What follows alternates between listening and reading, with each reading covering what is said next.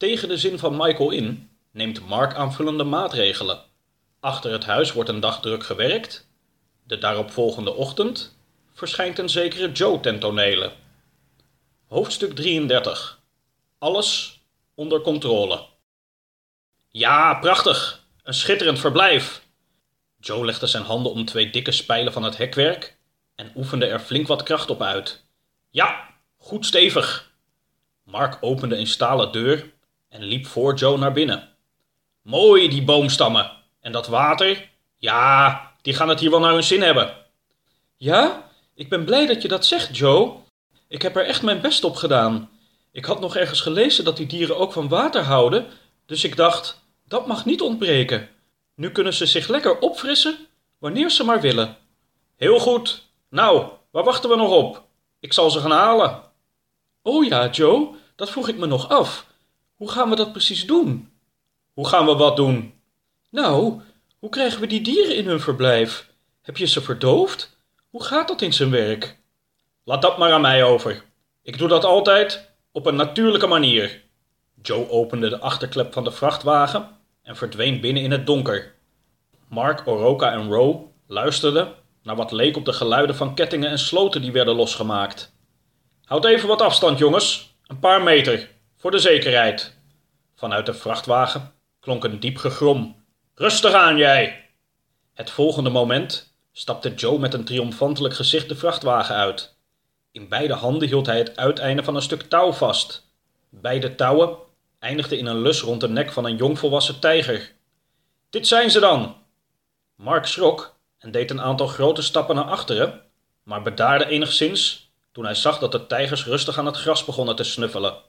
Dat dat zo kan, zeg, zei hij tegen Joe, terwijl het gezelschap met de tijgers naar het tijgerverblijf wandelde. Ja hoor, dat gaat meestal wel goed. Ze hebben twee dagen geleden nog gegeten, hè? Daar moet je wel rekening mee houden. Oroka bekeek de tijgers aandachtig. Waar leven die dieren normaal gesproken, Joe? In het wild? In het wild komen tijgers geloof ik alleen voor in Afrika. Joe aaide een van de dieren over zijn rug. Machtige beesten zijn het, hè? Hier, hou even vast. Joe gaf Row een van de touwen en liep met de andere tijger het verblijf in. Daar maakte hij het touw rond de nek los en gaf hij het dier een kus op het voorhoofd. Je nieuwe huis, lieverd, je nieuwe huis. Het dier sprong op een van de boomstammen en keek om zich heen. Kom maar, dame, geef maar. Row gaf het touw van de andere tijger, die rustig in het gras was gaan liggen, terug aan Joe. Kom, hop hop, daar binnen kun je ook liggen. Daar is het gras net zo zacht. Kijk, je vriend heeft al een mooie boomstam ontdekt. Kom, luiwammers, opstaan jij. Joe gaf een stevige ruk aan het touw. Met een grom die Oroka en Row achteruit deed deinsen en die Mark naar een laag muurtje bij het huis deed vluchten, kwam de tijger overeind. Ja, grom maar ja. Ik heb even geen zin in dit spelletje. Je weet wie hier de baas is. Naar binnen jij. Joe gaf nog een ruk aan het touw, maar stuitte op onverwacht krachtig verzet. In een flits trok de tijger het touw uit Joe's handen. Het dier draaide zich om, snelde weg over het gazon en verdween verderop tussen de bomen. Joe, die voorover was gevallen, krabbelde vlug overeind. Hij keek naar Oroka en Row, die duidelijk geschrokken waren, en naar Mark, die met bibberende ledematen en een getrokken pistool van achter het muurtje tevoorschijn kwam. Niets aan de hand, alles onder controle. Joe raapte zijn hoed op en blies er wat gras van af. Dit soort dingen gebeuren wel vaker. Hoort er allemaal bij. Hoort bij het natuurlijke gedrag. Haha, wacht hier maar even. Ik ben zo terug. Joe holde weg over het gazon en verdween eveneens tussen de bomen. Hij is in een boom geklommen en wil niet naar beneden komen, lachte Joe, die zonder tijger terugkeerde. Hebben jullie toevallig chocoladevla in huis? Chocoladevla? Jazeker. Ik heb meerdere pakken in de kelder staan. Mooi, dan ga ik een bakje vla voor hem maken. Daar is hij gek op. Dan komt hij vast wel die boom uit. En voor de zekerheid haal ik toch ook even mijn verdovingsgeweer. Kunnen wij je helpen, Joe? Niet echt, maar als jullie dat leuk vinden, hier. Joe, die binnen een bakje en een pak vla van Mark kreeg, drukte Oroka het lege bakje in de handen. Row kreeg het pak vla. Jullie kunnen bij de boom wel een bakje vla voor hem klaarmaken. Maar wacht nog even, dan haal ik mijn geweer. Kijk, daar zit hij. Oroka en Row keken omhoog en zagen in een boom inderdaad een tijger zitten. Terwijl Row de vla in het bakje goot, kwam de tijger, zoals Joe al had voorspeld, naar beneden. Oroka en Row namen voor de zekerheid wat afstand. Row zette een vol bakje op de grond.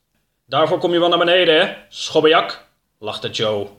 Het vervolg liep echter anders dan voorzien, toen de tijger, die al ver uit de boom was afgedaald, plots naar beneden sprong en niet op de zachte grond landde, maar op Joe, die zijn geweer liet vallen en met de tijger bovenop zich achterover viel. Joe begon over de grond te rollen en probeerde de tijger zo van zich af te schudden.